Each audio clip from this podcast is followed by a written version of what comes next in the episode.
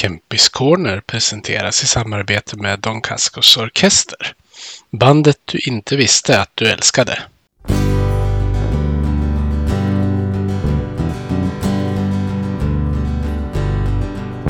Vi hejar på Modo, rödvit och grön.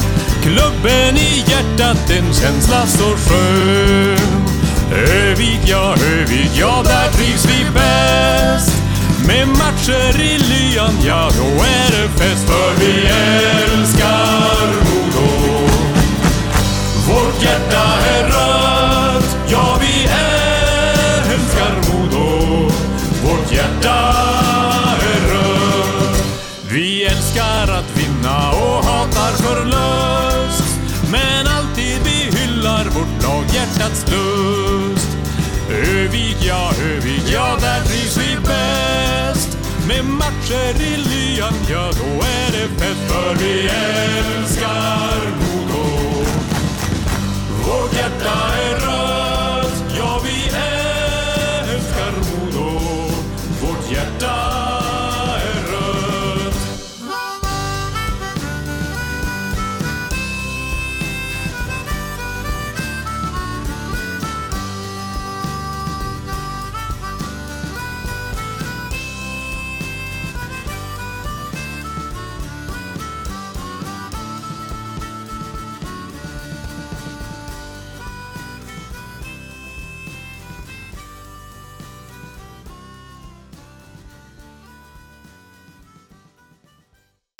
Hej och välkomna ska ni vara till podden Kempis Corner med mig Peter Kempe. Och eh, jag har inte med mig vilken gäst som helst idag utan det är norska landslagslegendaren och modolegendaren Per-Åge Skröder. Dubbel SM-guldvinnare är också för den delen och jag skulle kunna räkna upp en lång meritlista för dig.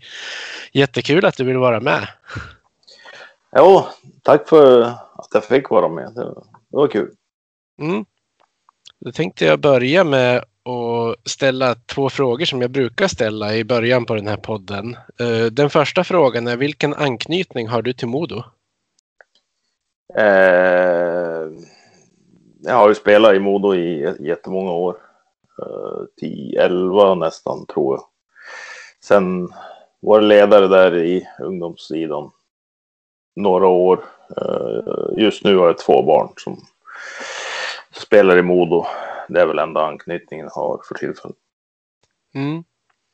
Eh, Sen nästa fråga, det är ju vad har du för minnen från Kempehallen? Du har väl inte spelat några matcher där när du har tillhört Modo, men du har väl spelat mot Modo och kanske tränat någonting där?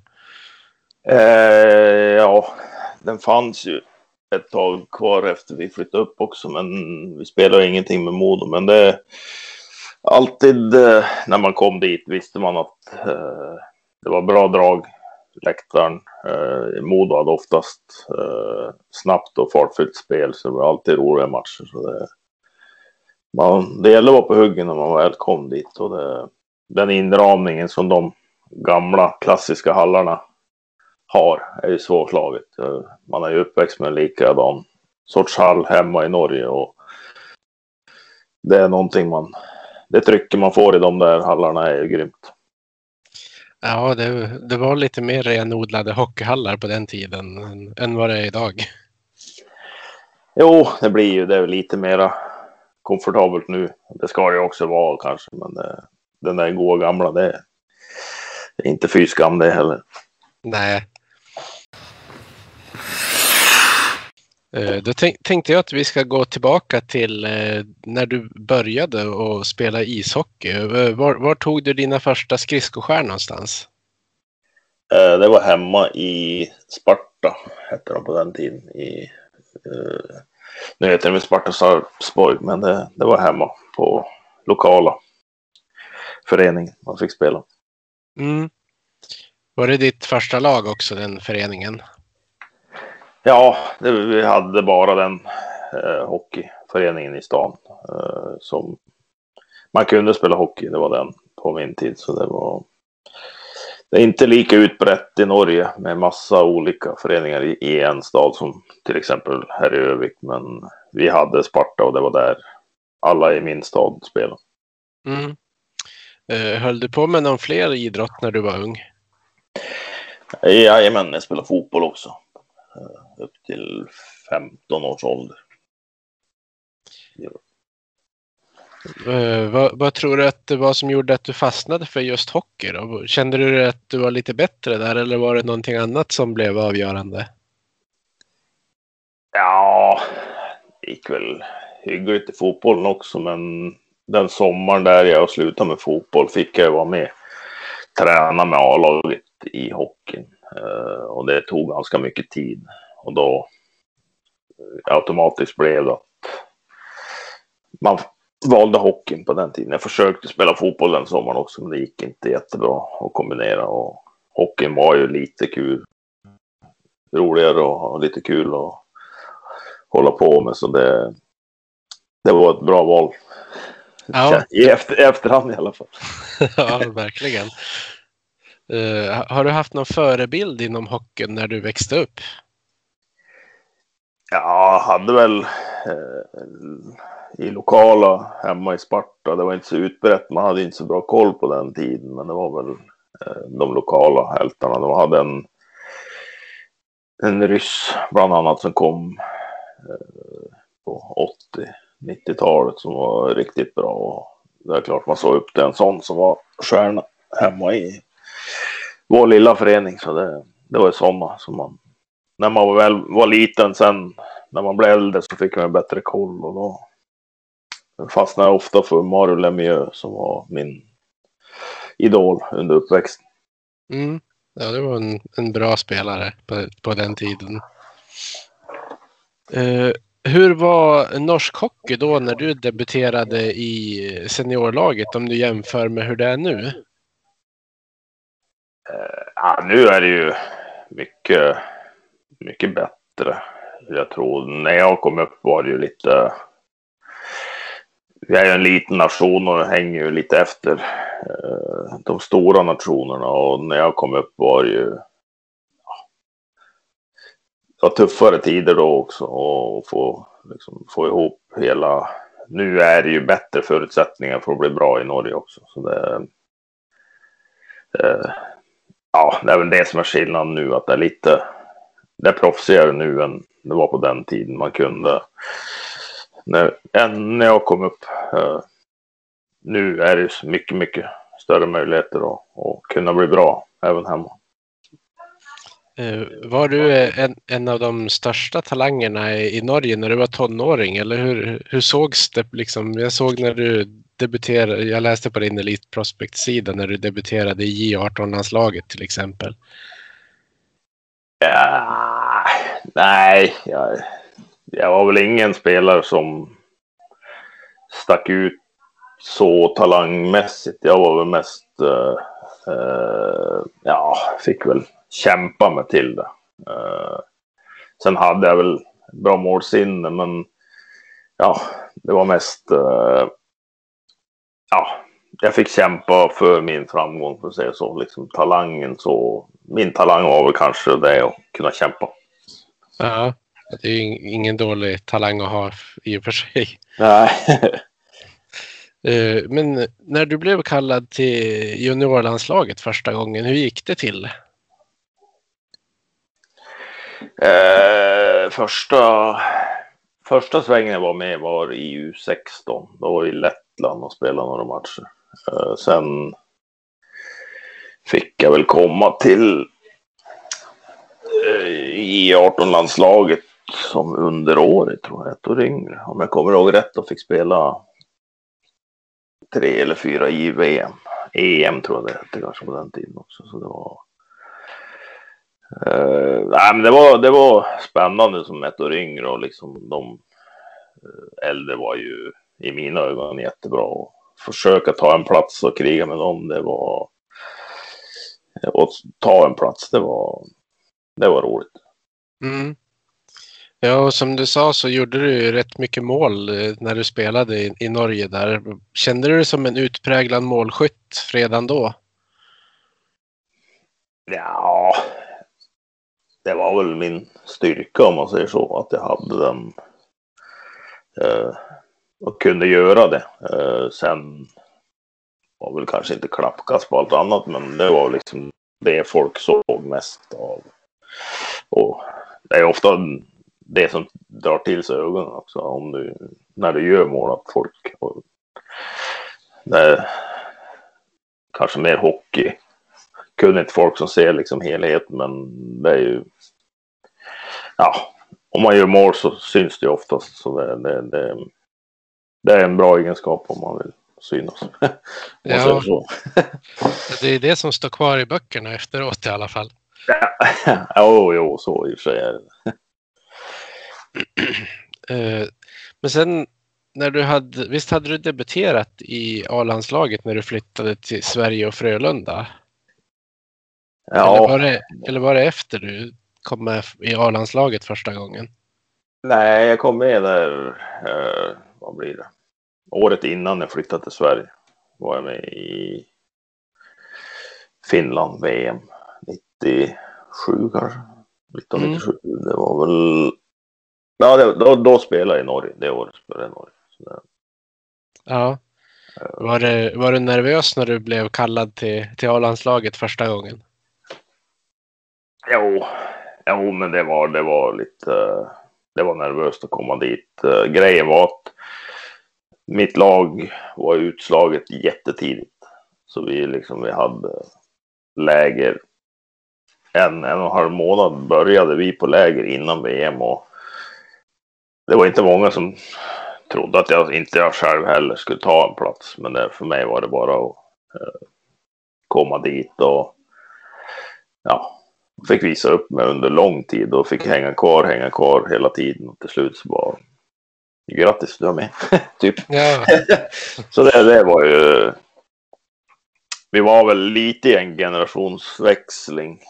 Eh, så det kan jag spela till min fördel att det var en del äldre som var på som slutade också i de, i de åren. Men, eh, men det var ju riktigt kul att kunna få vara med eh, de stora grabbarna till Finland till VM.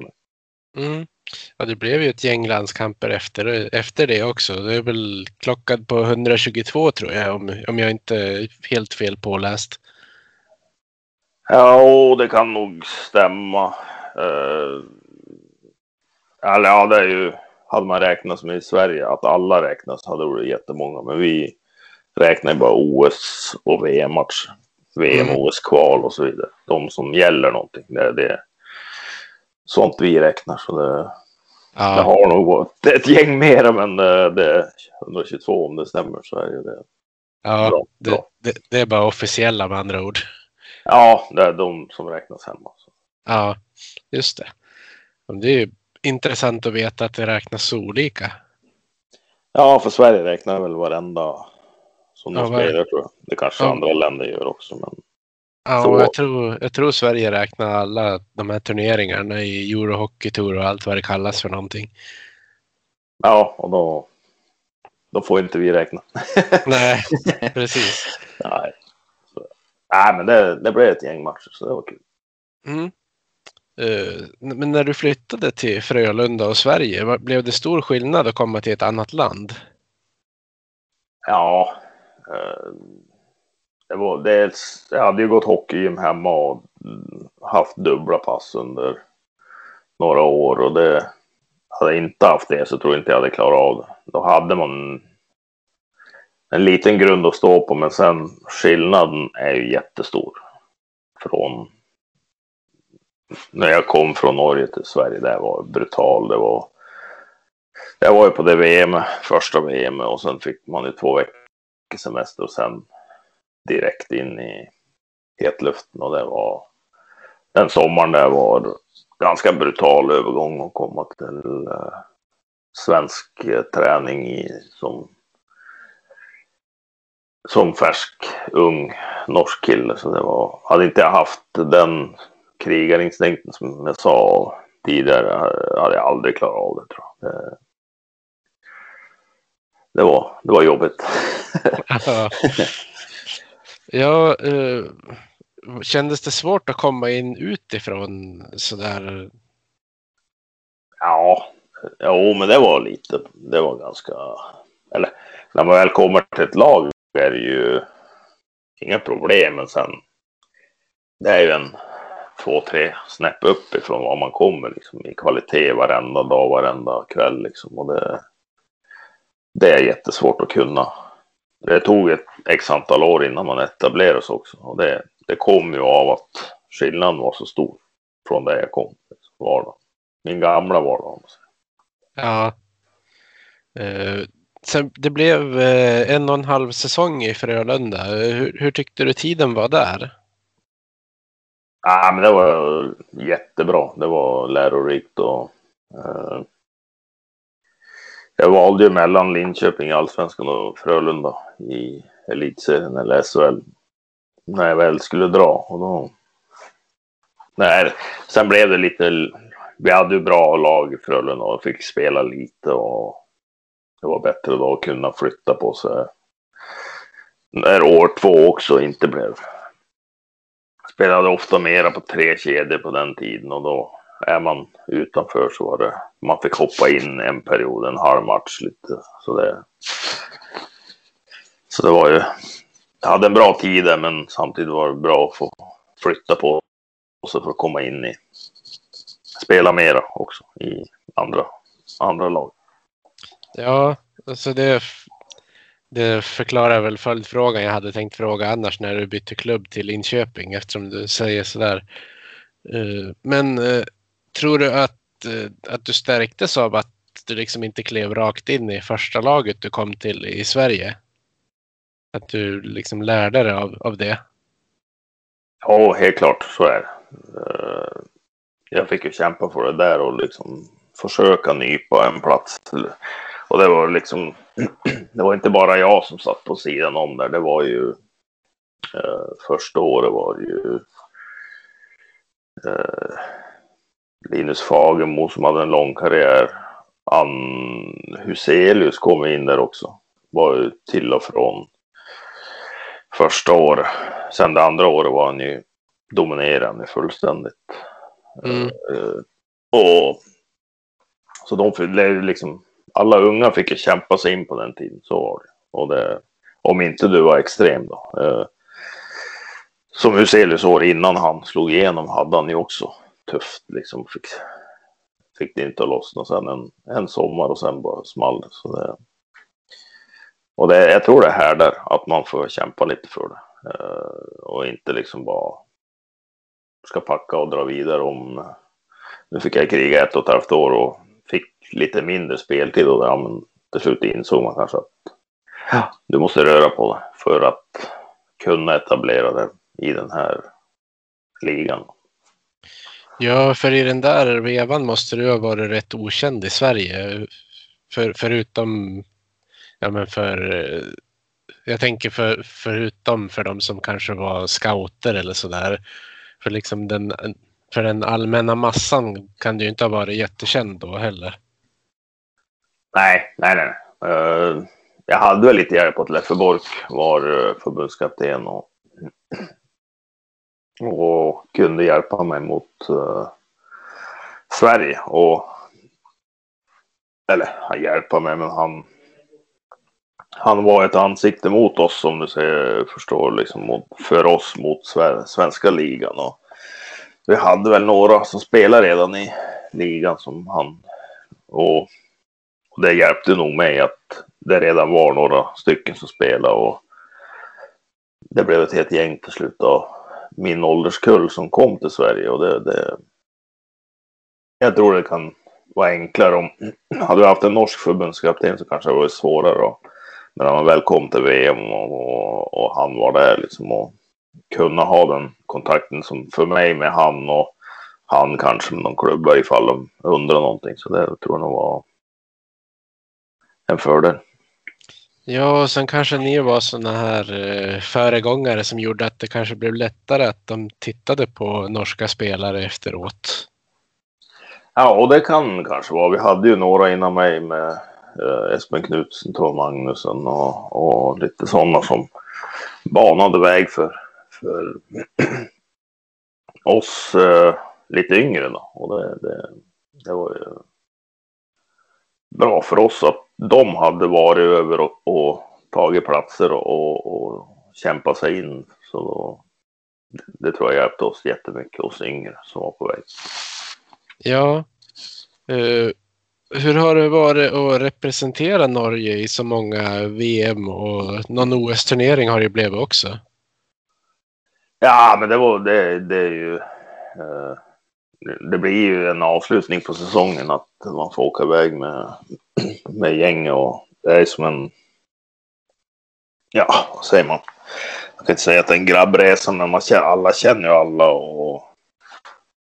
Det är. äh, ja, vad säger man? Det, vi byter kanske en till två spelare per år. Sverige kom med ett helt nytt lag, så vi blir sammansvetsade och liksom. Vi är ju inne i det efter en dag liksom och ha våra platser i hierarkin och allting och det tror jag är en fördel för oss att känna, känna och komma till samma gäng hela tiden. Eh, jag tänkte fråga, har, har, du, hade du några återkommande kedjekamrater i landslaget som du brukade, som du visste att du skulle komma och spela med? Ja, i början hade jag ju Trond Magnusen och Tore Vikings då. De,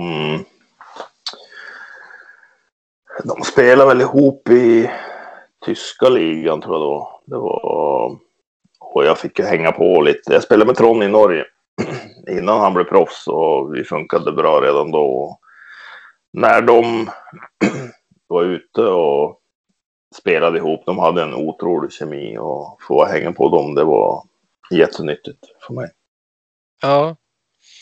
Uh, tror du att Norge kommer kunna vara med och utmana de större nationerna någon gång? Ja, vissa turneringar kan man nog uh,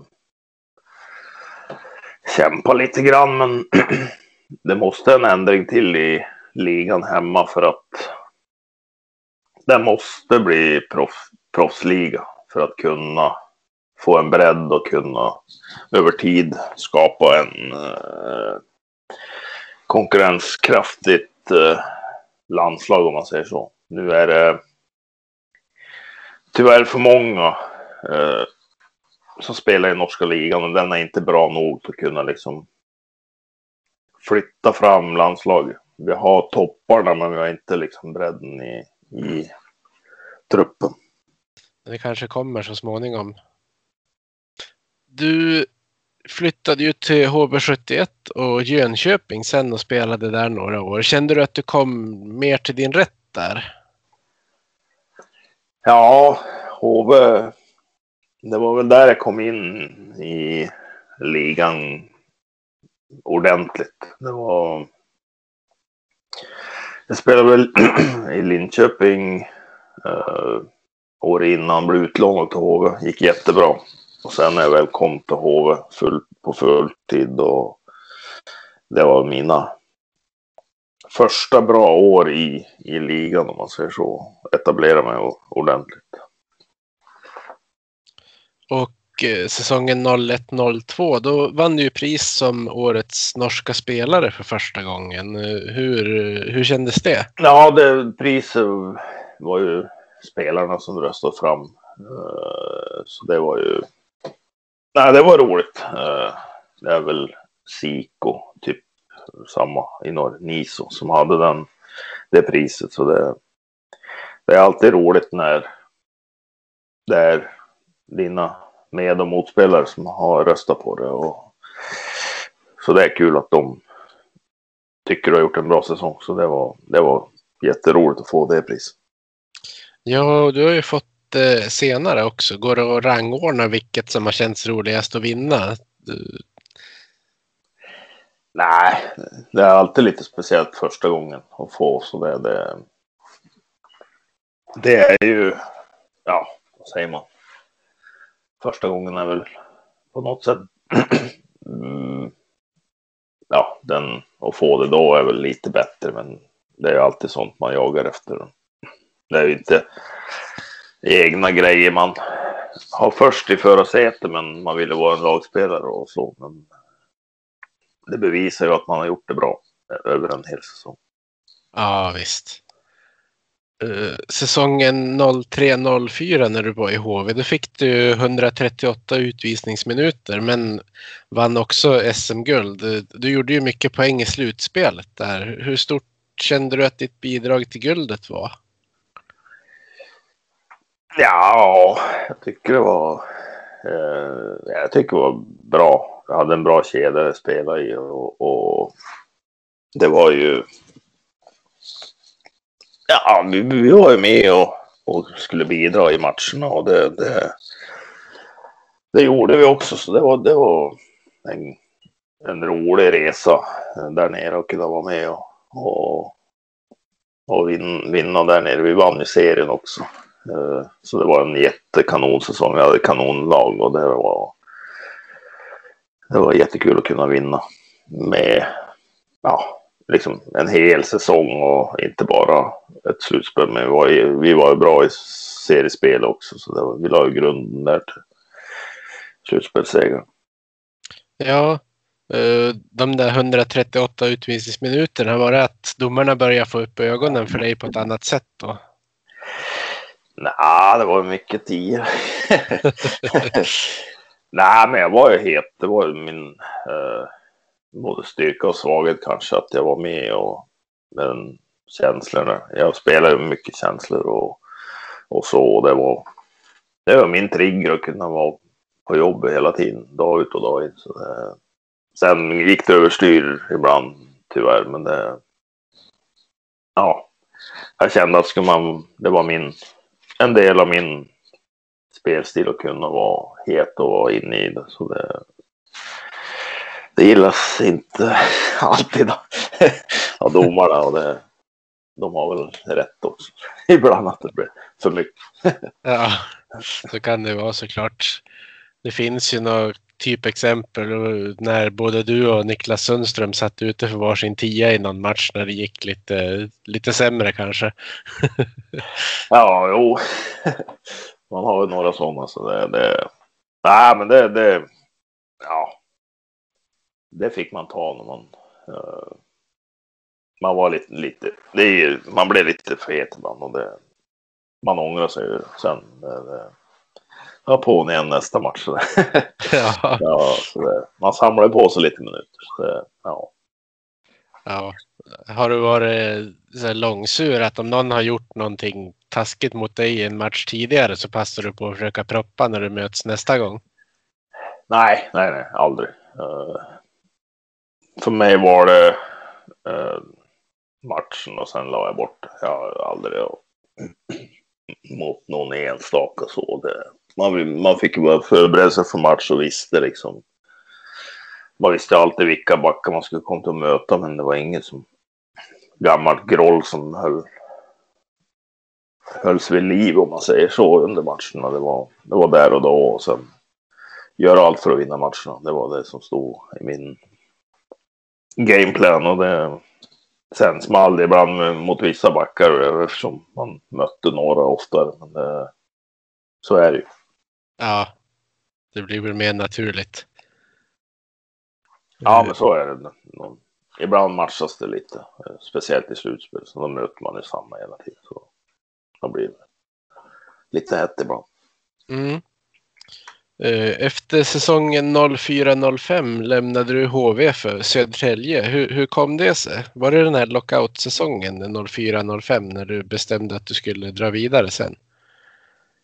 Eh, ja, vi i HV, eller vi, eh, de bestämde sig för att inte eh, köpa in spelare. Vi hade ett jättebra SHL-lag, men sen blev det ju lockouten och de trodde väl inte riktigt på att den skulle hålla. Eh, men alla andra lyfte in stjärna på stjärna och vi fick en tung, riktigt tung säsong. Det var väl, ja, det var väl läge och jag tror inte jag hade fått något nytt kontrakt heller och då kände jag att eh, nu måste jag röra på oss för att få bli, bli kvar eh, i ligan om man säger så. Mm. Eh, varför blev det just Södertälje då? Uh, nah, men det var väl de som var... Uh, Mats Hallin låg på lite och han som var sportchef där då och det, just då kändes det. Eh, jag hade väl lite Tyskland och lite sådana grejer på tapeten men eh, just där och då så kände jag att Södertälje kunde vara eh, det var kanske någon annan, men det var det som kändes bäst eh, för mig i den sitsen jag var där. Eh, när jag väl hade bestämt mig så började andra klubbar höra av sig. Då, då var det ju då var det ju kört för dem om man säger. Modo bland annat ringde väl efter jag hade bestämt. Harald ja, hade jag haft tidigare. Ja, var det, var det det sen som lockade till att komma till Modo säsongen 06-07? Ja, men Harald ringde ju jag tror det var samma eller dagen efter jag hade bestämt mig för Södertälje och sagt ja till dem. Och, och år efter ringde han ju. Vi åkte ur med dem med två eller tre matcher kvar och så då hörde han av sig och sa liksom att ring för sent nu i år igen. Men det... Ja. men då, jag kände ju Harald, jag har haft honom i, i HV och när vi väl åkte ur det med Södertälje eh, kände jag väl att tryggheten i när man känner tränaren och hur han ser på mig som spelare och det hade gått bra för mig i HV med han och då då var väl det ett ganska naturligt val för mig. Ja, och vilket debutår du hade i Modo. Din första säsong blev det ju SM-guld och du gjorde väl 30 kassar det året också? Ja, men det var ju det var ett bra drag hela året. Vi hade ett bra lag och, och vi träffade även på Eh, lite sena värvningar också. Så det var ju ja, det var en kanonsäsong med toppen i slutspelet. Liksom. Det var fullt, fullt av folk hela året i, i Swedbank som man hette på den tiden. Men, men uh, och det var, nej, men det var, det var jättekul att kunna komma ja, till slutspel mot Timrå där och ta den nypan i sjunde och få kriga ner HV också i sju. Så det var, det var, nej, vi fick väl en liten reaktion där i första finalmatchen, men sen gasade vi på igen. Så det var, nej, men det var kul. Det riktigt kul att kunna vara med. Ja, eh, man har ju oftast fått höra Per Svartvadets eller Harald Dyckners version av eh, det här talet inför sudden death och avgörandet. Men kan, kan vi få höra din version av den där sjunde matchen mot Timrå? Ja, men, nej, men det är ju sam, det är ju som de säger. Han, Perra är ju lätt och han surrar på och håller på och han sa ju liksom gick runt där och för att lätta på stämning så säger jag nu liksom att det gäller att rappa på grabbar för att jag har tänkt göra mål så om ni ska göra mål så se till att göra det tidigt. Ja. Så, så blev det han, jag vet inte hur lång tid det tog, det tog en liten stund men det var ingen som hade bråttom i alla fall innan. Nej. Nej, och taket lyfte väl nästan på arenan när den där pucken satt. Ja, det var det var magiskt. Det var riktigt bra. Uh, vad, vad, var det, vad tror du det var som gjorde att Modo gick hela vägen det året? Nej, det är, det är bredden vi hade. Uh, det, jag har ju alltid sagt det att mycket hänger ju på vilka spelare du har i tredje, och fjärde kedjan. Eh, om de underkastar sig rollerna man har eh, så har man en jättestor chans att ta sig till långt, långt ett slutspel. Kanske i seriespel är de, eh, de, är, de är viktiga då också, men när det väl drar ihop sig så är det ofta den typen av spelartyper som bidrar till att gå långt i ett slutspel. Och har ju Micke, Micke P, Peter Öberg, eh, Horra var, var där. Eh, Blattny, Eh, liksom, det är den sortens spelare som, som tar det långt till slutspel. Självklart måste ha bra målvakt också, men eh, oftast är ju första andra kedjan jämnstarka.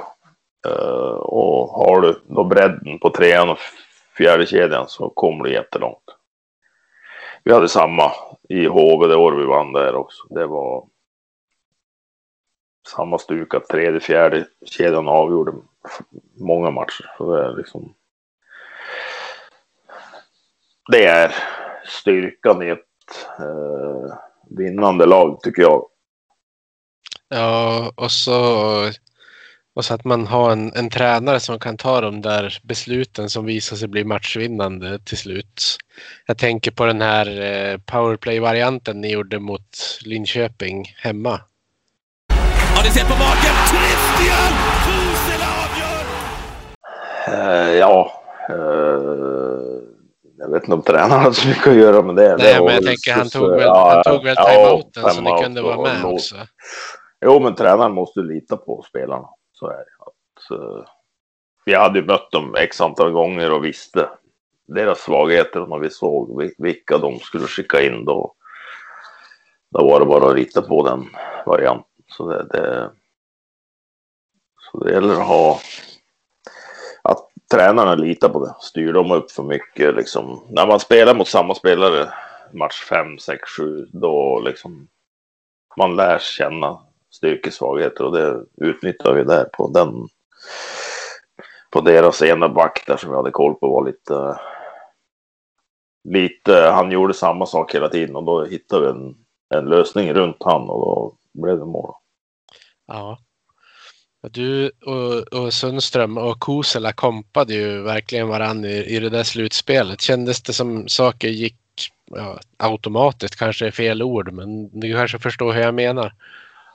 Jo, ja, men det blir ju en jag, jag vill säga trygghet i varandra. Man vet vart man har varandra och litar på varandra och då är det enklare att vara en bra hockeyspelare. Så är det.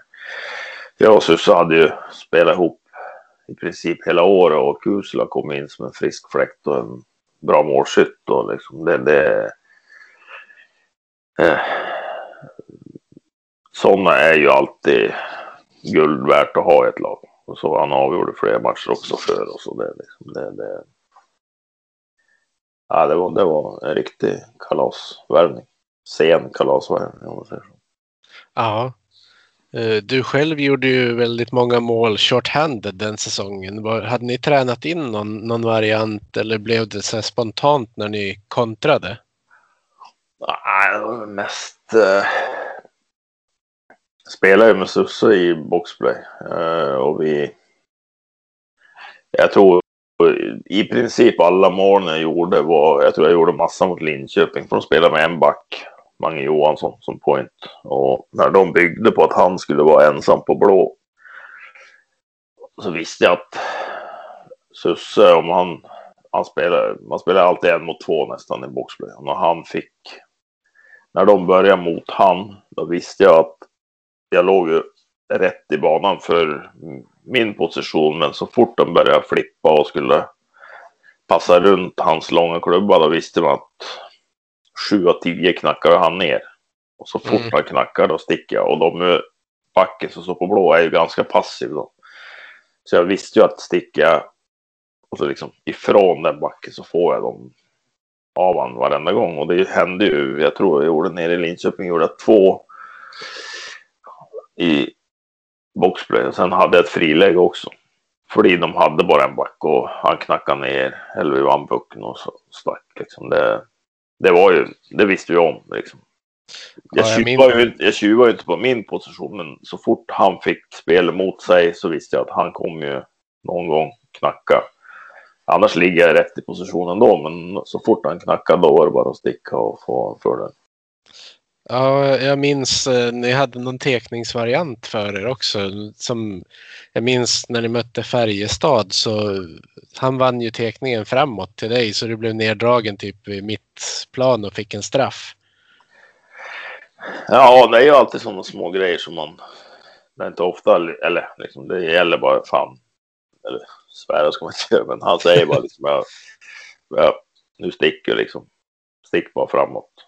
Jag löser det här och typ... Och då visste ju han att i mittzon händer det inte så jättemycket. Men han kunde köra samma stu- Oftast när han tekar så tekar man ju forehand och vi slår han framåt. Han ställde sig ofta backhand ibland och slog han på backhand. Och då, det, är inte, det är inte många som räknar med när han ställer sig för lite konstigt att nu sticker de, nu ska jag anfalla. Men så var det ibland. Att Ja. stick, stick på den här liksom och då drog han iväg. Så det var bara åka så, så fort de släpper. Då är det bara att åka. Då får man någon meter. Så det, det är sådana Ja. små grejer som kommer. Det är inte jätteofta de händer men de ger ju utslag ibland.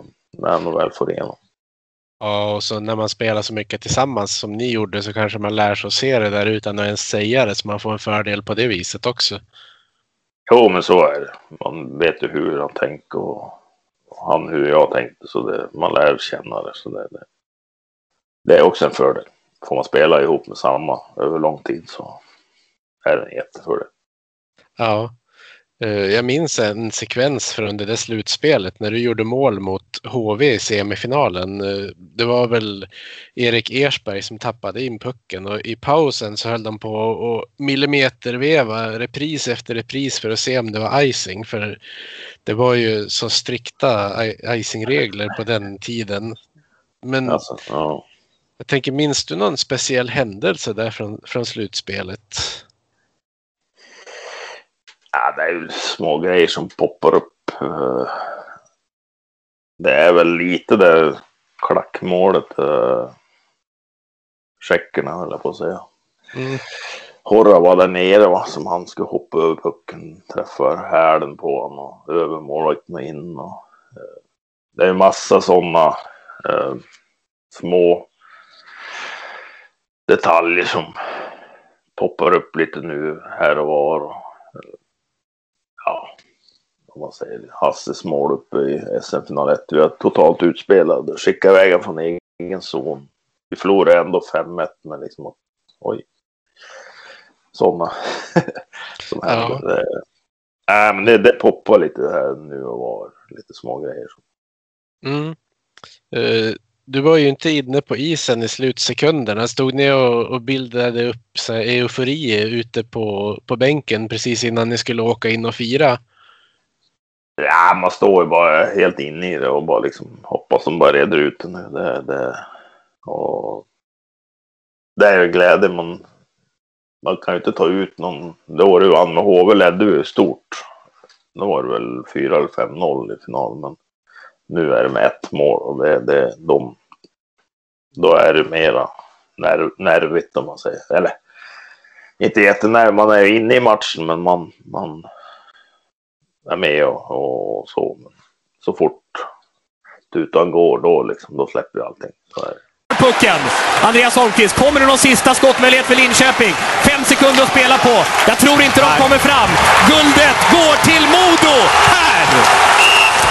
Modos andra guld i historien och helt enorma scener. 1979 och nu 2007. Detta Modo som har förlorat fyra finaler och nu alltså svenska mästare. En enorm känsla i Örnsköldsvik och för de Modo-anhängare som är här.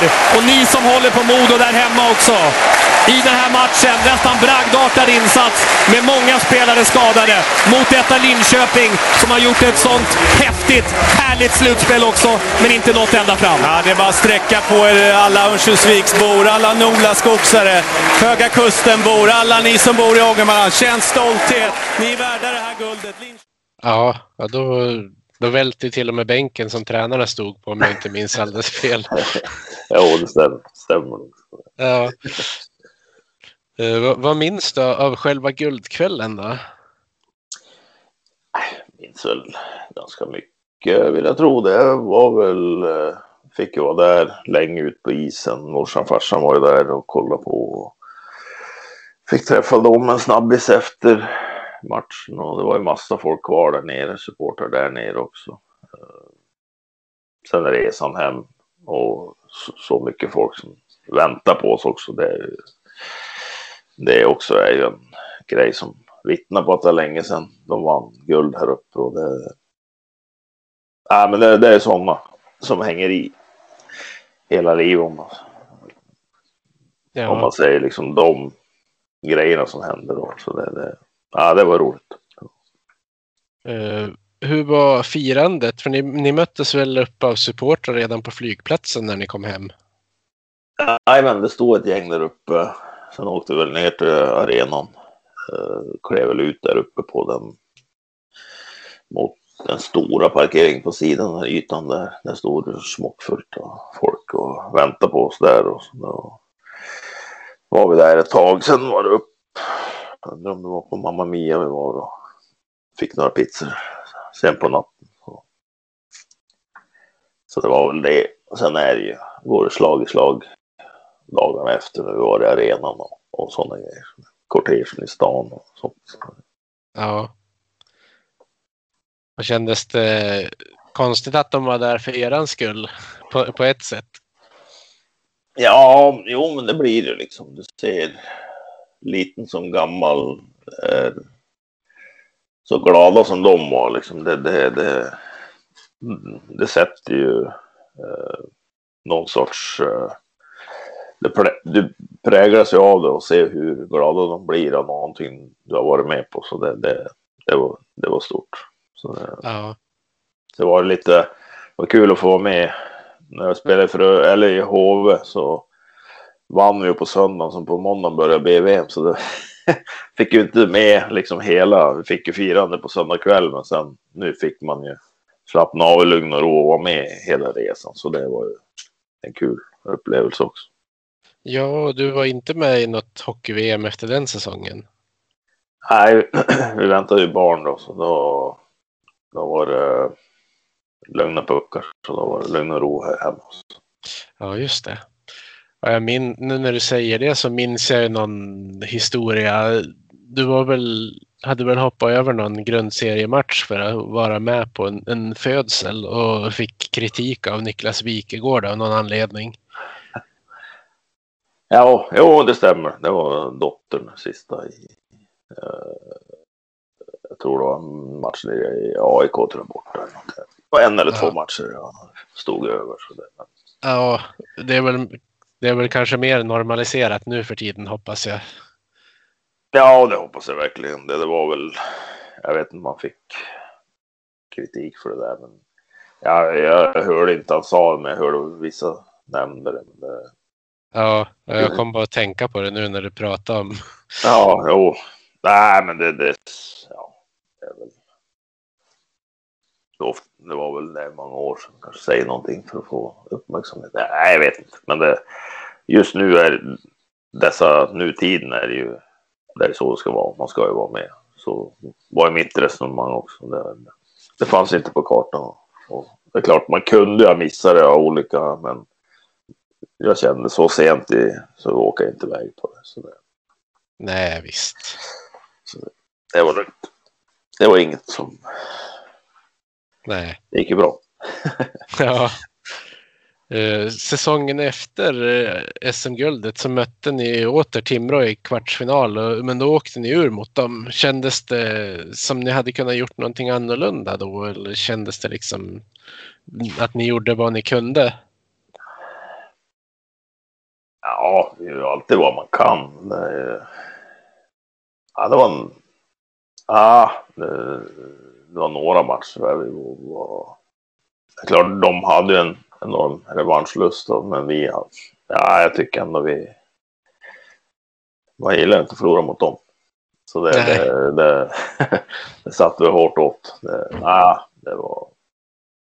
Det är klart man, man rannsakar sig själv efter varenda år om man säger så. så det, det, men ja.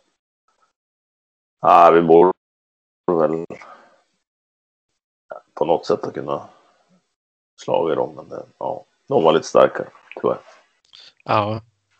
Eh, sen, sen säsongen 08-09 då vann du ju både skytteligan och poängligan i SHL och blev utsedd till årets norska spelare. Kände du någonstans att du kanske var på toppen av din karriär där nu när du summerar så här i efterhand? Ja, det var nog kanske det och sen år efter var väl ganska hyggligt bra fram till jag blev skadad tror jag. Men det, ja, men så är det ju. personligen är det ju så. Men sen om man kommer tia och missar slutspel, det är man ju inte nöjd Men om, om jag bara ska se på mina, min säsong så var ju det toppen om man säger så. Är det.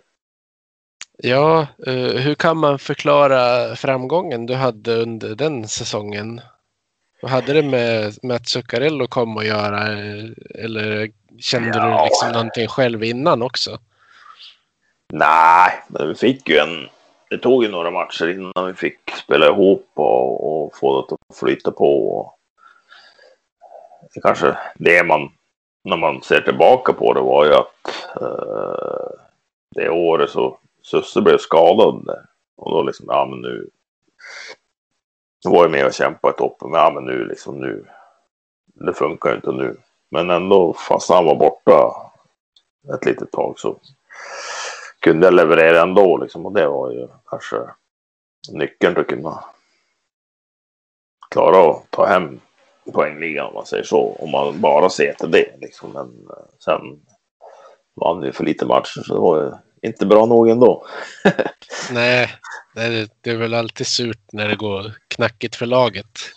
Ja, ja men det, det ja. Nej, men de där två åren som suckade, va? vi kom inte till slutspel något och det var lite, det var lite synd. Ja, uh, hur stor påverkan tror du att du hade på hans beslut att, att han hamnade i just Modo då? Ah, det vet jag faktiskt inte. Vi hade väl spelat, eh, eller han var ju med i någon, en något, liten turnering i, i Norge innan det, men jag tror inte, jag vet inte. Det får han svara på, men jag vet inte om jag hade så stor roll i det. Nej. Eh, säsongen 09-10 där som, som du väl pratade lite grann om. Det blev bara en match i, i OS 2010 för dig innan du blev söndertacklad av Drew Doughty. Eh, hur, hur jobbigt var det när, när det hände? Uh, ja, det är klart. Den, uh, det var ju jobbigt och kände ju direkt att det var inte bra, men det blev ju icing så man var tvungen att spela klart byte och det, ja. det var ingen höjdare att spela det byte efter det. Men det, nej, jag kände ju direkt att någonting är fel och sen man fick reda på vad det var. Allt upplägg är ju klockrent i det var in och röntgen. Allt, du får ju svar liksom samma kväll vad problemet är. Och det största var väl att det höll i så länge som man inte kunde hjälpa till när man väl kom hem. Man går ju på stan och liksom som vanligt men foten funkar ju inte liksom. Och det är ändå det är ju svårt att spela hockey. Ja. Och folk ser ju fan, men du, det är inget fel på dig. Jo, men foten är... det går ju inte. Men eh, jag försökte ju sista matchen i Södertälje där, men det, det var lönlöst. Det small ju första bytet nästan. Ja. ja. Ah, det var ah, skador alltid jag har ju ändå klarat mig ganska bra från skador som sett över en så lång karriär. Så då, de kom ju. Så är det. Ja. Uh, men är uh, Övik och Modo kanske det ställe som har känts mest som hemma för dig i Sverige? Tänker med tanke på att du, att du stannade i, i stan så länge.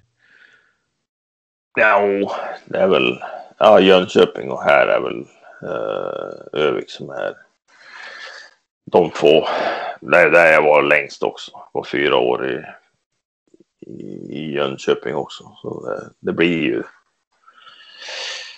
Och nu har jag varit här uppe jättelänge och det, då blir det liksom att allting funkar, allting går bra. Då du känner dig hemma då. Så det, det, det är de två städerna som har varit toppen om man säger så. Mm. Eh, du var ju i, i Modo under eh, ja, nio säsonger med blandade resultat och en, en mörk säsong. Men jag tänker vi kommer till den lite senare. Eh, men hur skulle du vilja beskriva dina år i klubben?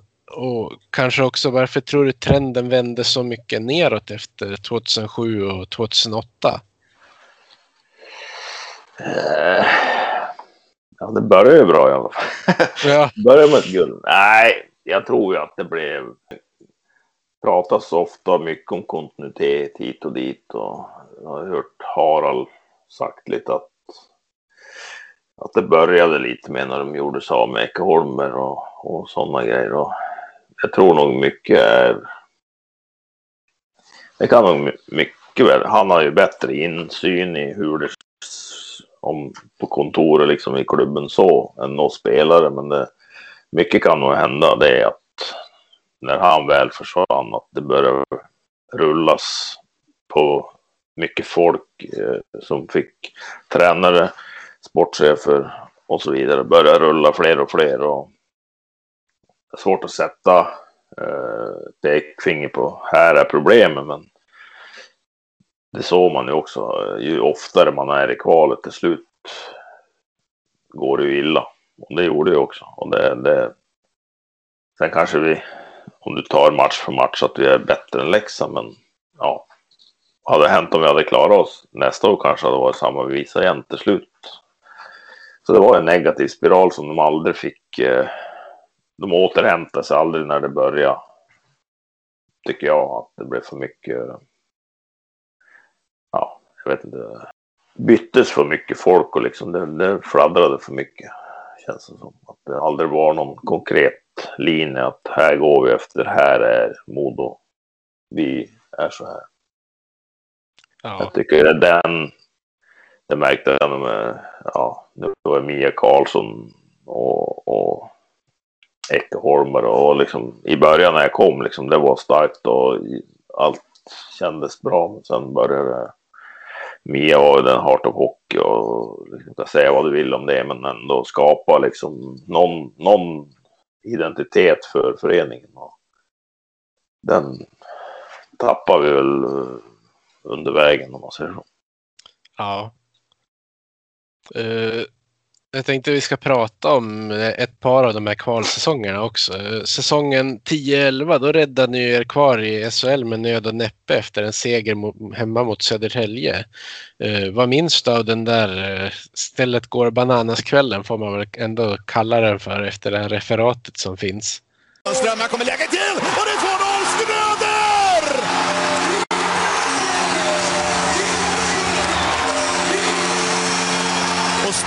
går bananas! Fullständigt! Gälleräven Center jublar. Ja, ja, ja jag... mest minns väl... Eh, ja, jag gjorde ett mål, det kommer man ihåg, att det var två snabba, att jag gjorde 2-0. Men mest minns man efteråt, man stod och pratade med jag undrar om det var Göran Eriksson som ordförande då, som sa liksom att hade vi förlorat så hade på måndag liksom alla kontrakt, allt kontor, alla liksom hade fått gå. Mm. Och det, det satte sig lite i mig i alla fall att tidigare så har det bara gått och tänkt på det själv, men nu det blir så mycket större när du får, får den liksom. Får vi stå och prata länge där om det och, och, och hur det hade blivit och, och så vidare. Och då bara oj. Eh, så tänker man. Det är kanske bra att man inte visste heller när man väl spelade, spelade om den där sista, sista matchen och höll på med det. Ja. Eh, jag tror att det är också vetskapen om det där hjälpte nog mig också senare under, ja det gick ju illa mot Leksand men när det väl var tungt liksom, du spelar ju för mer än dig själv. Så. Ja. Uh, hur såg du på säsongen 14-15? Den här eh, säsongen när ni också fick kvala. Och jag får, får, väl ändå säga kalabaliken och allt som blev när bland annat Donald Brashear kom in i laget. Och, ja, det var en, en eh, konstig säsong på flera sätt. Jo, men eh, ja, det, det blev ju lite så. Men det, det kom ju av lite. Vi hade ju unga killar som han kom ju av ett syfte för att våran ledning tyckte att våra killar liksom blev överkörda liksom Nylander och Kemp och liksom alla utan att det hände någonting från ligan liksom. Det var ju fritt vilt att kunna göra vad man vill. Då ville de liksom sätta ett exempel på att här kommer de hämtade inte för hockeyspelandets skull så, men att liksom att jag tror det var lite att ligan skulle, hallå, ni, ni har problem med liksom smällar och hjärnskakningar och bla bla bla. Här får man göra precis vad man vill utan att stå till svars för det. Lite så var det tror jag. Därför han kom och och liksom, jag tror inte det var många som, när han väl var med, att våga göra någonting. Liksom så. Men liksom, hade han kommit och bara slogs och var helt galen så hade det varit något helt annat. Men nu, han kommer vara för våra yngre killar. Han var ju ett helproffs liksom. Det, och de ser, kunde se en sån spel. Han spelar 17 proffssäsonger liksom. Och, och jag tror det var liksom att ja, ett, dels lite mot ligan på allt smällar och så, men också bra för många av våra yngre killar att se liksom att hur man beter sig som ett NHL-proffs över lång tid. Ja. Uh, kändes det som att det blev att det, att det har blivit bättre om du ser på åren som kom efter det där med debatten runt just ja, men, huvudtacklingar och allt som har varit? Det tar ju några år innan det vänder. Nu känns det ju bättre. Eh, det var ju några år där small, small hejvilt. Det, det, det, känns som den mera, mera eh, det händer ju lite nu och då nu, men att det är mera respekt och mer koll på grejerna nu. Att, eh, är känslan i alla fall. Nu ser jag inte jag jättemycket SHL så, men det är i alla fall intryck jag får att det är bättre överlag nu. Och det, det visar väl också statistiken att det går neråt. Med hjärnskakningar och så vidare. Ja, och så jag tror folk vågar döma ut fula tacklingar på ett annat sätt, även om det kommer från ens eget lag nu. Att det har blivit mer accepterat på något sätt. Jo, jo, jo men så Sen är det också, inte varje situation, men många situationer är också mottagaren som är naiv i, i när du har puck. Så är det. Och det, det är kanske någonting, jag har ju fått mina smällar också, men någonting som man lärde sig upp genom åren var ju att kunna orientera sig. Vart är det farligt på banan? När jag pucken och så vidare. Nu small ju lite fick man ju några här och var, men jag tror det är en jätte jätteviktig grej att kunna göra som hockeyspelare i den farten det går nu. Att uh, kunna orientera sig och ta emot när det väl skyddar sig när det kommer. Jag har spelat med backar som aldrig har lyft upp armarna och ta emot smällar liksom. Och det, det, de fick ju ofta stenhårda smällar, men du kan ju ta emot. Ja. För jag hade, jag kommer ihåg någon check som Linköping hade. Jag var, jagade han. Tackade han ganska hårt. Han kommer från NHL. Jag tänkte, oh nej. Nu, det här går illa. Han bara tog emot tacklingen, tryckte ifrån sig. Bara, inga problem. Och han visste, han kom, han spelade NHL AHL, så han hade stenkoll på att jag kom.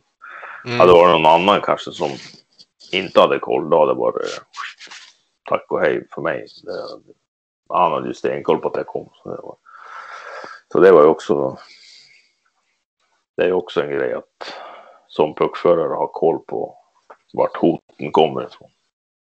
Ja, uh, tror du man kan lära ut sånt vid, vid yngre ålder om man får börja tackla? Så om vi ska om, om du ska tycka en, en ålder som du tycker är lämplig för att börja med tacklingar och sånt här?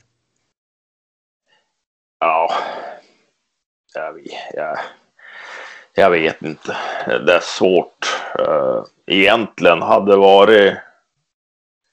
Eh, jag tycker mycket när de är allra minst så ska du kunna liksom röra närkamper och så vidare. Du ska inte gå och smälla och gör du det som knatte, hockeyskola och U8 och U9 så är det en ledarfråga att lära upp barn. Liksom de råa smällarna. Men sen det är också att man ska lära ut när kan du tackla, vart på kroppen ska du sikta på. Bla. Det är ju en, det är en vetskap i det där. Och när man ja, har man pucken, lär se vart de är. Det är ju det är komplext för det är ju tio spelare där ute du måste ha koll på. Och är du, ja nu är de små spelarna färre men ändå är det ju, det kan ju smälla rätt friskt där om du har någon som är duktig på skridskor.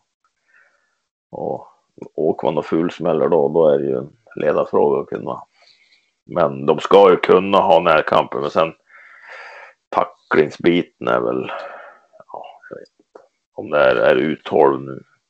Men ja, det är en svår fråga. Det är faktiskt. Uh, på våran tid var det ju aldrig liksom en fråga ens. Den, den fanns väl när vi, jag växte upp. Och, men det är klart det är många som har fått problem med det sen och det är ju en, det är en konst att kunna tackla och ta emot en tackling. Så är det. Ja, det är ju inte alla som har ögon i nacken och kan sätta offensiva tacklingar och sånt där, utan en del blir ju väldigt utsatta i de där lägena såklart. Ja, och jag tror mycket då är att se och lära och kunna som ledare se att om du har en back som ofta är utsatt för smällar så måste då måste man kanske prata och kolla video och lära och liksom, om det går och finns då möjlighet att kunna göra det. Och, mm. Men det är svårt. Samtidigt, det är ju alla situationer där ute är olika. Så är det. det är ju... Ja, man kan inte förutsätta att det ska bli på ett visst sätt såklart. Nej, nej. Uh, jag tänker på säsongen 14-15 när Modo mötte Vita Hästen i, i kvalet. Det, då hade ju du själv en, en tyngre period vet jag. Tyckte du att det, det kändes skönt att de kunde stöka av Vita Hästen på ett sätt så, som gjorde att du kanske inte behövde tänka lika mycket på hockeyn? Eh, ja, det var ganska jobbigt att kunna vara, eller och vara här uppe och mamma sjuk hemma. Det, det, det var en slit mentalt liksom. Det, jag fick ju jag var ju med första kvalmatchen tror jag. Sen, sen åkte jag hem, men det, eh, ja, det, det, var just där och då liksom så fort jag spelade match så var det det som gällde Och försöka vinna den. Sen försvann ju tankarna åt andra håll och kanter sen efter det. Så det var, ah, men det var en jobbig tid så är det. Det är inget att himla om det. det svåra var lite osäkerheten på, man visste ju att hon var sjuk och att det gick mot slutet men man försökte alltid få fram eh, hur snabbt går det liksom. Man fick ju aldrig det. Den ovissheten också var ju eh, sen när man väl fick eh, eh när man pratade med de här farsan och brorsan och liksom då. Det är kanske är dags nu och sen. Det var ju aldrig tvekan ens eh, och stanna kvar här då. Det var bara att packa och dra. Eh, det hade jag sagt till dem också att Modo och de, de var helt inne på det också. Att, eh, eh, när det väl blev läge så då sa jag liksom att det var väl på kvällen efter första matchen. Då var det bara imorgon bitti åker. Det, så är det. Ja. Och det, de, liksom, de, det var ingen, ingen snack om det. Så det, det var fullt stöd av dem, så det var bra. Ja, och så var det ju bra att du fick vara med så att du inte bestämde dig för sent att åka ner. Det, det, sånt kan man ju aldrig göra om, alltså få tillbaka på något sätt. Nej, för det var ju det att eh, hade jag väntat en dag så hade jag missat när hon gick bort. Så det var. Jag fick ju en dag hemma med på slutet där och det var. Det var liksom. En grej att fan. Oj, hade jag väntat en dag så hade jag inte hunnit. Och det, det var skönt att kunna, eh, när man visste vilken väg det gick och kunna vara där hemma med hon sista. Det var, jag tror det hade suttit bra mycket hårdare och djupare än vad det gjorde ändå om man inte hade hunnit hem. Så, så helt klart. Ja, verkligen. Uh, och året efter det där, då då åkte ni ju ut ur SHL mot, mot Leksand på ett mer eller mindre otroligt sätt. Men jag tänker, eh, kan du inte börja från början? På vilket sätt blev det fel när Larry Juras kom in i klubben? Uh, Nej, men han hade ju sitt sätt och skulle vilja spela på. Uh, och det är ju, ja, vad säger man? Det, det var ju helt annorlunda än vad vi svenskar är van med. Nu räknar jag med eftersom jag var så länge liksom att Mm. det var en, en kulturkrock om man säger så. Och jag tror ju att på något sätt hade Larry kunnat eh, ändra sig lite mot, för, för jag hade ju Linköping match två eh, hemma. Vi förlorade väl 3-2 tror jag vi gnetade oss till en förlust. Och så hade Linköping borta match tre och förlorade 7-1. Då hade de sett på video liksom så här ska vi spela. Liksom de spelar på det här sättet. Vi bara gör så här. Och det var ju frilägen på frilägen. Och... Så vi blev synade ganska tidigt. Och det var, det var ju lite, det var det jobbiga. Vi inte klarade av att ändra tills, eh, ja, i ti, tids nog då. Till, och det, det kan ju vara ja, tjurighet från hans sida att han vill spela på det här sättet och inte och närma sig svenska kulturen eller liksom på så sätt. Och Inke var väl inne på det också att vi inte hann i tid att ändra. När han var på din podd att eh, få till det. Eh, vi var väl inne på att ändra lite grann under ett uppehåll där, men det, sen fick han ju gå ganska Mm. fort efter det. Och det. Den ändringen kom nog alldeles för sent. Försök i alla fall till att ändra. Det, och då, ja. Och då blev det byte av tränare och hit och dit. Och det, ja, det, det ja, men oftast är det ju, det ser man ju att hamnar man i en fel spiral så är det svårt att som förening hade vi gjort det långt tidigare, men nu gjorde vi det i spel på plan och under en hel säsong. Sen ska ju vi vara så pass bra nog att kunna slå liksom. Så är det. Men det, det, det klarar vi inte av under sju matcher. Och det, det var väl våran svaghet att kunna ja, inte klara av det. Det var, det alldeles svagt gjort. Fast Mm. vi, om du ser match för match, som jag sa tidigare, att kanske vi har bättre lag, men ändå klarar vi inte av att kunna knäcka dem. Så det, det, det var svagt, svagt gjort. Ja, eh, jag har ju förstått från någon intervju som du har gjort med Allahanda också att du inte mådde så, så bra psykiskt där och då. Nej, det, ja, det tror jag var väl en efterhängsen av mamma gick bort. Eh, eh, fick ingen liksom slut på den säsongen. In i ny tung och bygg eh, över tid. Jag är väl en grubblare som inte lättade på trycket tids nog liksom. Och, och det, det var väl, ja. Men samtidigt när jag väl spelade så var det liksom inga problem att spela så, men det, det, eh, det toppar sig väl under slutet av den där matchserien vill jag väl tro. Någon vecka efter. Eh, men ja. Men då kan jag spela. Det var väl mest match 6 som det var innan bortamatchen som var värst. Men det klarar väl av. Jag tror jag gjorde mål där nere till och med. Och på något sätt hitta någon och ta mig ut och spela matchen och försöka rädda det. Men det, ja. Sen, ja, blir det som det blir och vi åker ur och då är det ju. Det är pyspunka då efter. Så är det ju alltid efter säsong och tunga säsonger att det bara.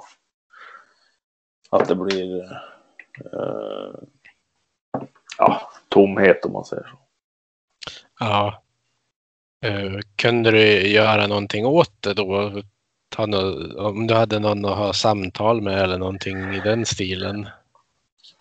Jo, jag fick ju lite hjälp. Träffa någon som hade koll på läget och kunde eh, vägleda lite bara den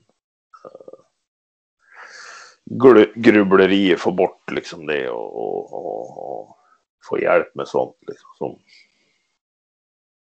ja, de är ju proffs på det, de som kan det där och hur man eh, tänker och tacklar olika situationer. Så det var, det var guld värt att träffa en sån bara för att ja, lätta på trycket om man säger så. Det var, för det var ju liksom man, det kan ju vara att det hänger kvar sen morsan gick bort och att man kanske eller att man tar på sig för mycket under tunga tider med lag hit och dit och allt sånt där och då till slut så man är ju bara människa och till slut så blir det för mycket och då fick man en, gick på en liten knock där men det, det var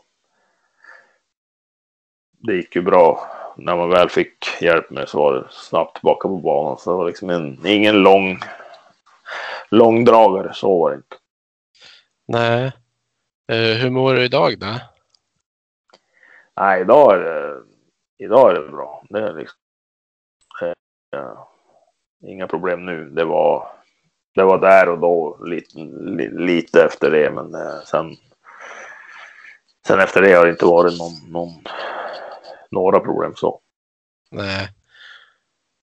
Men jag tycker ändå det var väl lite, lite föregångare att du vågade prata lite grann om det där. Det är väl inte så många elitidrottare överlag som, som har varit bra på att prata om när, det, när man har haft jobbiga perioder på det viset. Nej, nej, så är det. Jag tror det är mer och mer på något sätt accepterat idag. Det ser man ju mer och mer. Det är ganska stort mörkertal tror jag på sådana grejer. Eh, att man kanske inte vill outa att man som jag träffade någon och pratade med någon tre, fyra gånger och det hjälpte mig jättemycket. Liksom. Det, det, jag ser ingen... Folk kanske ser det som en svaghet, men det är ju ingen svaghet. Liksom. Det, jag är inte proffs på, på det, men hon jag träffade var det och kunde hjälpa mig. Så är det med fys. Hade det varit fysträning så hade jag tagit hjälp av någon proffs och hjälpa mig med fysen. Liksom. Det är ju hjärnan, hjärnan är en sorts muskel det att kunna få bara rätt vägledning där och liksom det, man är ju inte ja vad säger man, man är inte tokig bara för att man behöver lite hjälp ibland. Nej, verkligen inte. Det är ju som du säger, det är bra att det har blivit mer accepterat idag. Det behöver inte vara ett svaghetstecken utan det är, det är liksom mer, mer okej. Okay. Ja, det känns som så i alla fall. Jag hoppas att det är det också. Det är, ja. det är ju en, det är en råare värld nu än när vi växte upp. Liksom internet och allting. Och det, liksom, mm. det tror jag på, på så sätt är tuffare att vara ungdom. Även vuxna i och för sig. Under den här våran nutid. Om man säger så. Ja, det är det säkert. Och nu har ju folk med sig en kamera vart man än går också. Det fanns ju inte när en annan växte upp. Nej, så är det också. Det är... Så är det. Väldigt många variabler såklart. Ja, jo, jo så är det.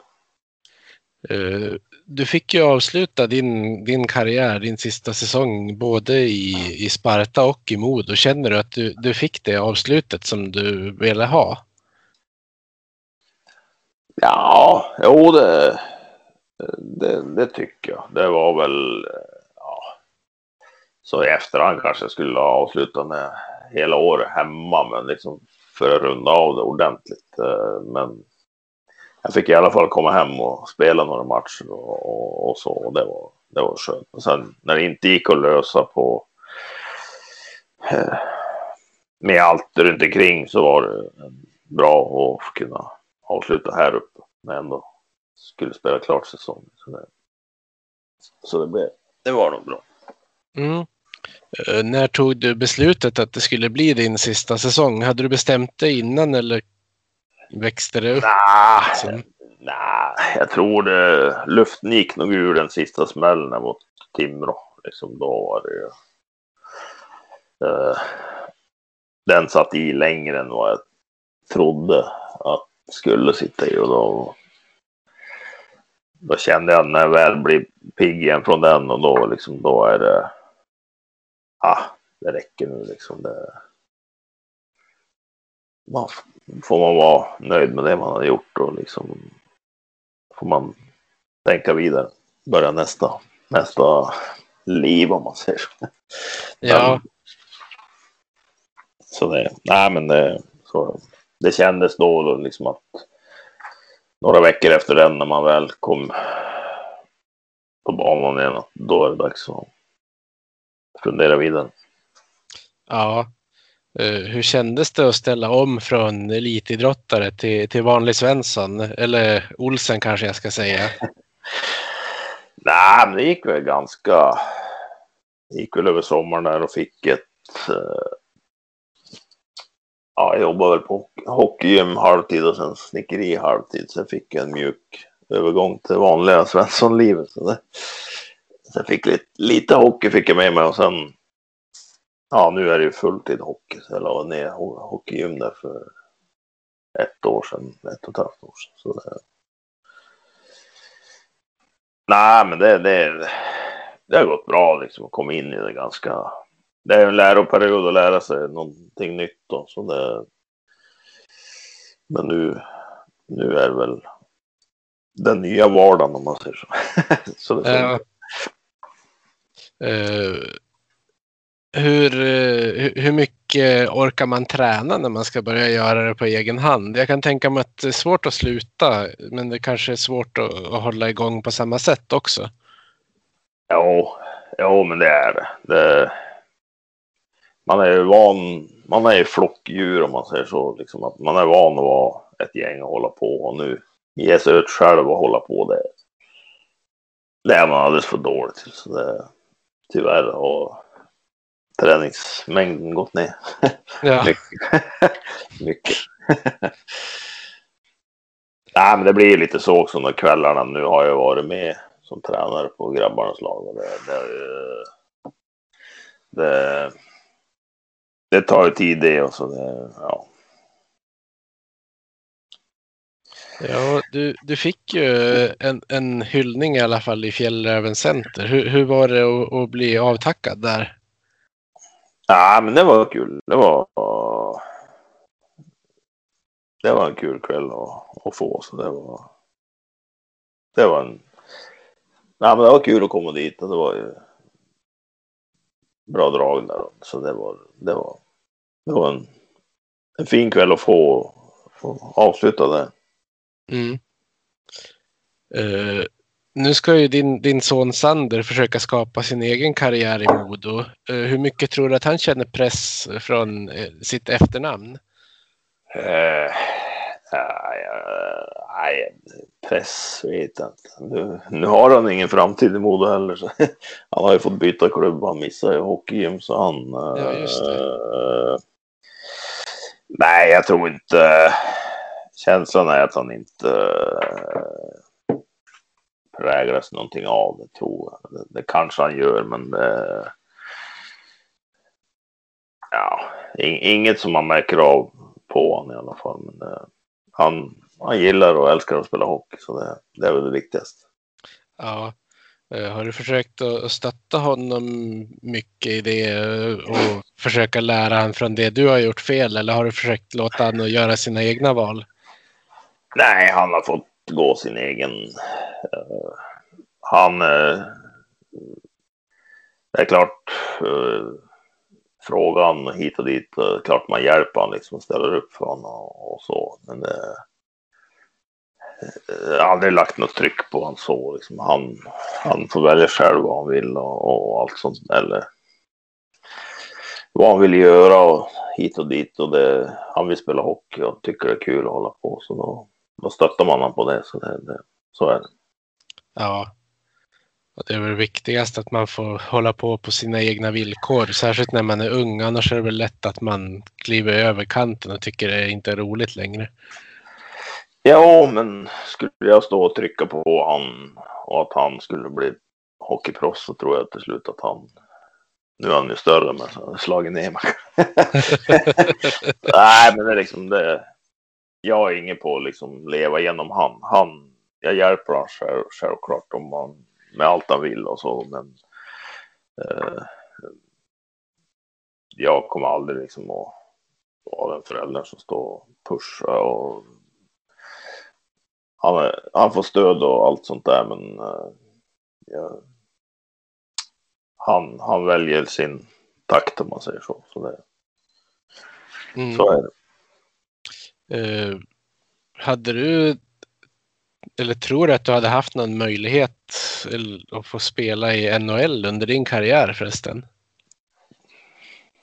Ah, ja, det var, nej, jag vet, nej, det var väl snack lite grann där. första året med Hoven när det gick så bra. Men, eh, jag gjorde massa mål, men det, ah, det har inte varit så jätteofta på tapeten. Så det, ja, det var kul. konkreta erbjudanden kanske? Nej, det var, det var lugnt från den. Tog inte in de signaler från där bort. nej, det har inte varit något speciellt snack om det. Nej, det kanske hade, om du hade spelat en fem år senare kanske hade varit vanligare att göra den karriärresan. Men det, Ja, nej. Och före internets tid, jag var, nej, jag var på topp. Nej, nej men så, nej, så nej, det, det har inte varit något speciellt snack därifrån, så det, det var ganska lugnt. brukar du sitta och kolla på, på Youtube någon gång och se såna här highlights som du har gjort själv för att se hur, hur du var som hockeyspelare?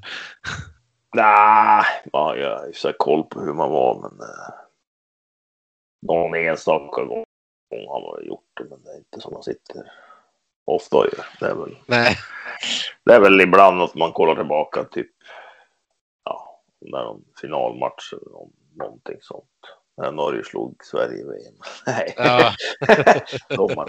Highlights. Nej, ja, nej, så- nej, det är jättesällan att man sitter och kollar Ja. på sig själv. Så. man blir ändå nyfiken på att fråga. Ja, jo, jo. Eh, nu har du börjat en, en hockeytränarkarriär. Du har väl hållit på ett litet tag. Är- det sånt du vill göra i framtiden eller har du några andra drömmar?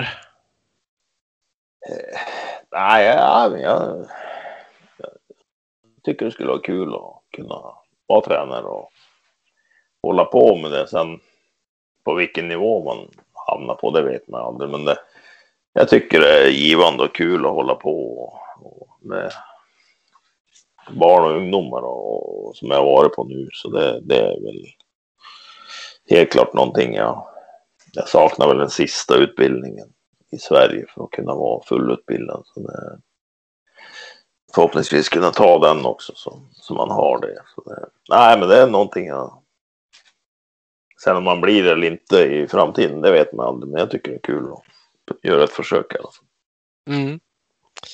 Uh, innan vi hoppar över till lite supporterfrågor så har jag en sista fråga här. Uh, du har ju kanske inte det lättaste namnet att uttala snabbt. Hur många olika smeknamn har du fått genom åren?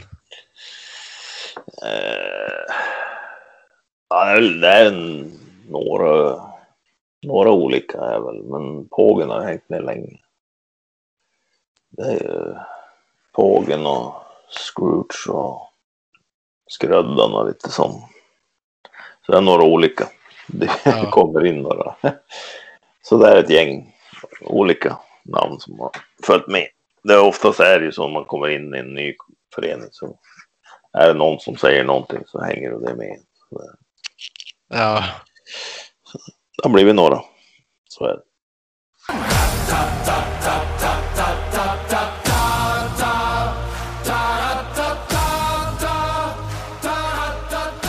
Supporterfrågan.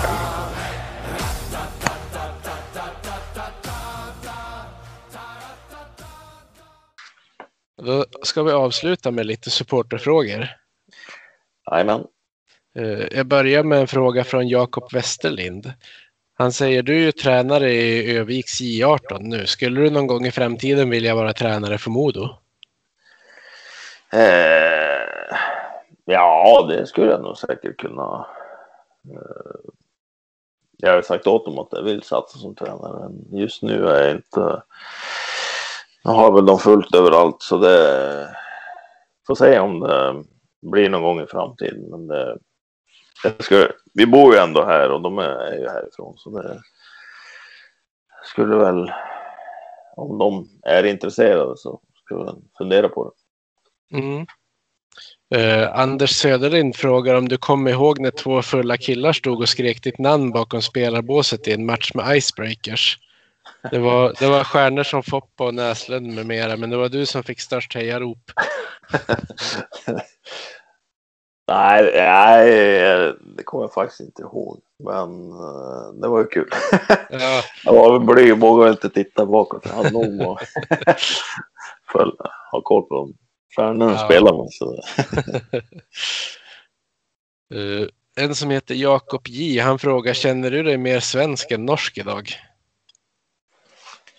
Eh, ja, jag, jag har alltid tyckt att det inte är så jättestor skillnad. Eftersom vi kommer ju från eh, ganska nära gränsen så liksom det har varit nära hela tiden. Vi har haft svensk tv när vi växte upp och liksom så. Så det, för mig har det i princip alltid flyttat lite ihop. Liksom, inte så mycket som det gör nu men från barnsben har man ju alltid kunnat språk och allting sånt där. Så det, det kändes inte så stor skillnad från var jag växte upp. Så det, ja, det är samma lika, typ. Ja. Eh, han frågar om det grämer dig att du inte kom ikapp Håkan Loob i målligan. Eh, nej, det är klart det var kul att gjort det. det var väl, jag vet inte när det var, men det var inte jättelångt ifrån. Va? Så det, ja, det är klart det var kul att ha haft det, men det, ja. Du har väl fortfarande målrekordet för utländska spelare? Om, om inte någon har kört om de senaste åren. Jag har faktiskt dålig koll på det nu ja, på slutet. Ja, nej, jag, jag vet. Kalle var med ett tag, men jag vet inte om han... Jag, vet inte. Jag har dålig, dålig koll. Ja. Eh, Han undrar också varför du spelade med nummer 10. Ja, det var väl... Jag hade väl ofta det på, när jag var yngre på fotbollen och till och från. Och hade ju det lite på hockeyn och hemma. Så det är jag alltid gillar och sen har jag inte alltid haft det. Jag hade i Södertälje och i Modo men inte något tidigare i Sverige tror jag. Så det, nej men det är en siffra jag alltid har gillat och sen när jag fick Södertälje hade han 10 så när, då var, var väl bara fråga om 10 var ledigt i Modo när jag kom också. Så det, det är väl inget mer än så att man alltid har gillat den siffran. Mm. Barnspel. Ren kuriosa så, så tog jag faktiskt på mig min eh, skrödertröja som jag har hemma nu för att göra den här intervjun för att komma in i rätt stämning. Alltså, ja, det är bra. Ja. Eh, han hade en fråga till också. Han undrar vilken som är den bästa tränaren du har haft. Eh, jag vill nog säga Harald Lyckner och Uffe Samuelsson. Är väl de eh, eh, här i Modo som har varit de bästa här. De, eh, det vill jag nog säga. Att de, det är väl de två bästa jag haft, vill jag tro. Mm. De är lite olika, men eh, båda var kanonbra. Ja, det är väl också de två eh, senaste tränarna som har fått stanna kvar hela sin kontraktstid har jag för mig. Jaha. Det det, är ju- det ju sitt bara, det. Ja, det har varit kaos. ja visst. Nu, nu har ju Karlin fått ett treårskontrakt så jag hoppas han får fullfölja det. Den senaste som hade ett treårskontrakt var ju faktiskt Harald Lyckner. Alltså, okej, ja, men då kanske. Kanske är domen att det blir Ja. tre år på honom. Precis, det, kanske, det, kan, kan ju vara på tiden nu. Ja, Eh, Tore Nilsson, han undrar, har du någon kontakt med din hemstad? Nu får du säga till om jag slaktar uttalet. Sarpsborg och Sparta. Eh, inte föreningen så. Jag känner ju tränaren som inte jättemycket kontakt jag har med klubben. Jag försöker ju om, nu är det inte ofta, men man kan åka hem under säsong så, men om jag är hemma så åker jag väl ner och kollar. Och så, men tyvärr alldeles för lite kontakt med dem. Så är det. Mm. Eh, Marcus Jonsson, han undrar om du föredrar Makita eller Devalt?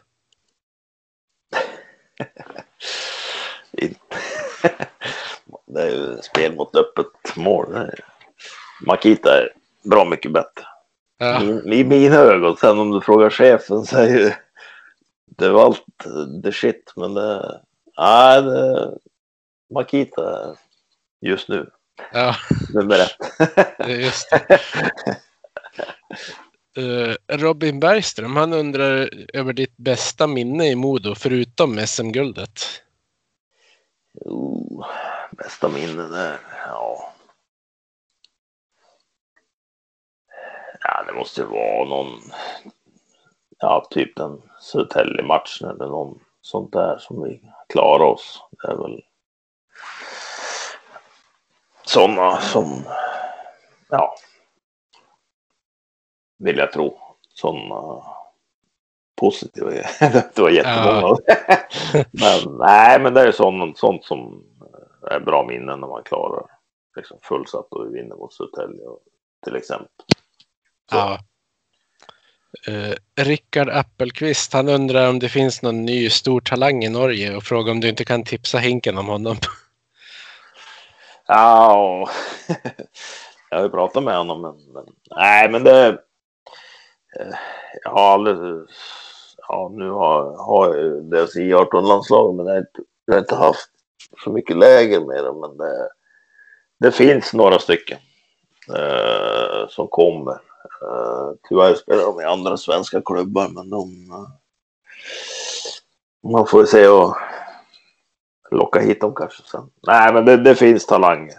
Toppar finns det. Sen bredden är väl inte lika bra, men det, vi har ju spelare runt Frölunda ett gäng eller några Färjestad och så vidare. Så det, det, det finns uh, unga spelare som kan bli bra i Norge, helt klart. Mm. Eh, Lars Sundqvist, har, vi, vi har ju varit inne och svarat på ett par av frågorna han har redan, men Ja. han har, han har en här också. Hur, hur umgicks ni spelare utanför isen och vem hade du roligast med? Eh, Ja, det är lite olika från ställe till ställe. Eh, När jag var i HV då hade vi i början inga barn så då var ju oftast killarna vi var iväg och tränade. Spela bowling eller gjorde liksom någon. Det låg ju precis bredvid och så åkte och fika och hängde ihop. Eh, sen här uppe har det ju liksom, då har ju familjelivet slagit till och vi träffar vänner och kompisar utanför. Så det har inte varit jättemycket umgänge så med hockey. Vi hade liksom lite annorlunda umgänge då än hockeyspelare. Så det, det är lite blandat var man än eh, är liksom. Men hockeyn är ju lite resorna också. Då får man, hänger man ju oftast med, med varandra under flera dagar i sträck. Så Mm. kan det vara skönt att byta ut dem kanske. Nej, de kommer hem. Nej men det. Så är det oftast att här uppe hade vi ett umgänge som vi lärde känna och umgicks med utanför hockeyn om man säger så. så det, det blev ju det så. Ja. Det är väl därför säkert delvis du blev kvar i stan också. Då. Ja, men det kan vara liksom familjen trivdes bra och allt, sånt, allt funkade så då, då, då är det enklare att, att bli kvar. då, Så är det helt klart. Ja. Eh, han undrar också över den, den bästa slash galnaste storyn från SM-guldfirandet. Oj. Hel, helst en Ja. rumsren historia. Ja, jo. Galnaste. Nej, men det var den dyraste var väl när Foppa bjöd på champagne och alla satt väl i taket på Mamma Mia. Det, det var inte... Började gå... De kom väl in med Dan och de kom in med... Foppa, alla spelare fick ju varsin champagne. Det var inte liten men det var inte många som tog med sig den hem. Det bara small. Det, bara, och det, liksom, det var blött och kul det var. Men det kostade, kostade någon krona säkert. Det var väl... Ja, men han kanske hade råd. Ja, jag tror, jag tror.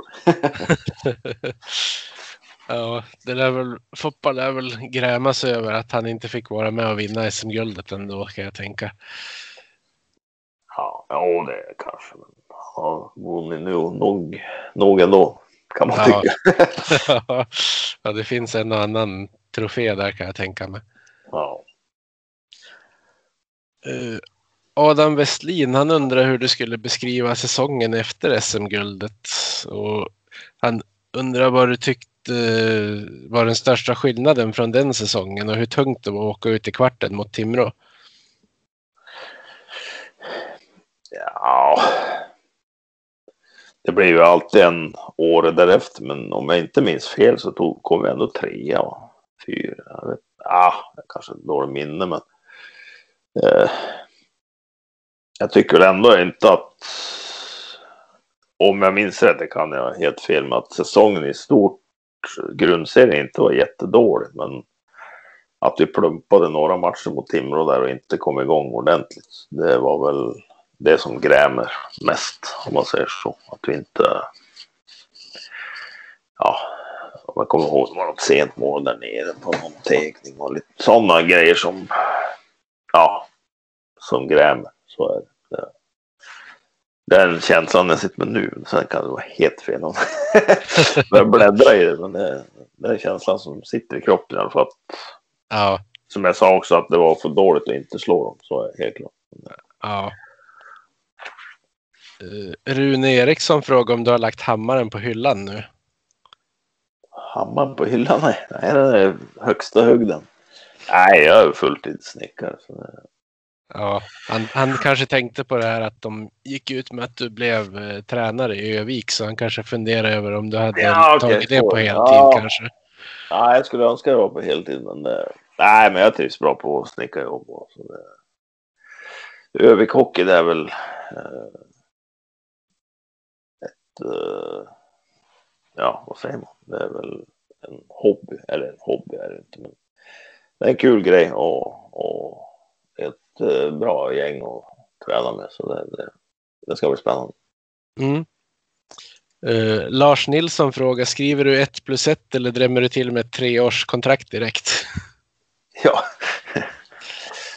Det- jag vet inte vem jag ska skriva kontrakt med. Jag fick inte tre år i ÖF i alla fall. Jag får prata med dem om det. Ja. Och sen, sen som en sista fråga så har jag faktiskt fått från Hinken. Han frågar när kommer Skröder tillbaka till Modo? Det, är, det är upp till han det. Det är, det är han som sitter på... Han vet ju hur jag är som tränare efter vår tid i ÖF. Så det, kanske vill, inte vill ha heta tränare. Nej, nej det... Nej, det är inte upp till mig. Jag har sagt åt dem att jag vill bli tränare. Sen när de frågar får vi se om det passar i tiden. Men det, det är en annan fråga. Sen måste man ju vara bra nog att klara av det också. Det ju... Ja, Men eh, ja. Han har mitt nummer. Ja precis. ja, men det, var, det var alla frågor jag hade till dig. Så då får jag tacka så mycket för att du ställde upp här Åge. Och så får jag säga att det var jät- jättetrevligt snack. Jo, tack själv. Det var jätte, jättekul. Och tack till alla som har lyssnat där ute. Vi hejar på Modo, rödvit och grön.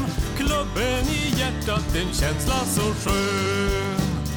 Övik, ja, Övik, ja, där trivs vi bäst. Matcher i lyan, ja då är det fest för vi älskar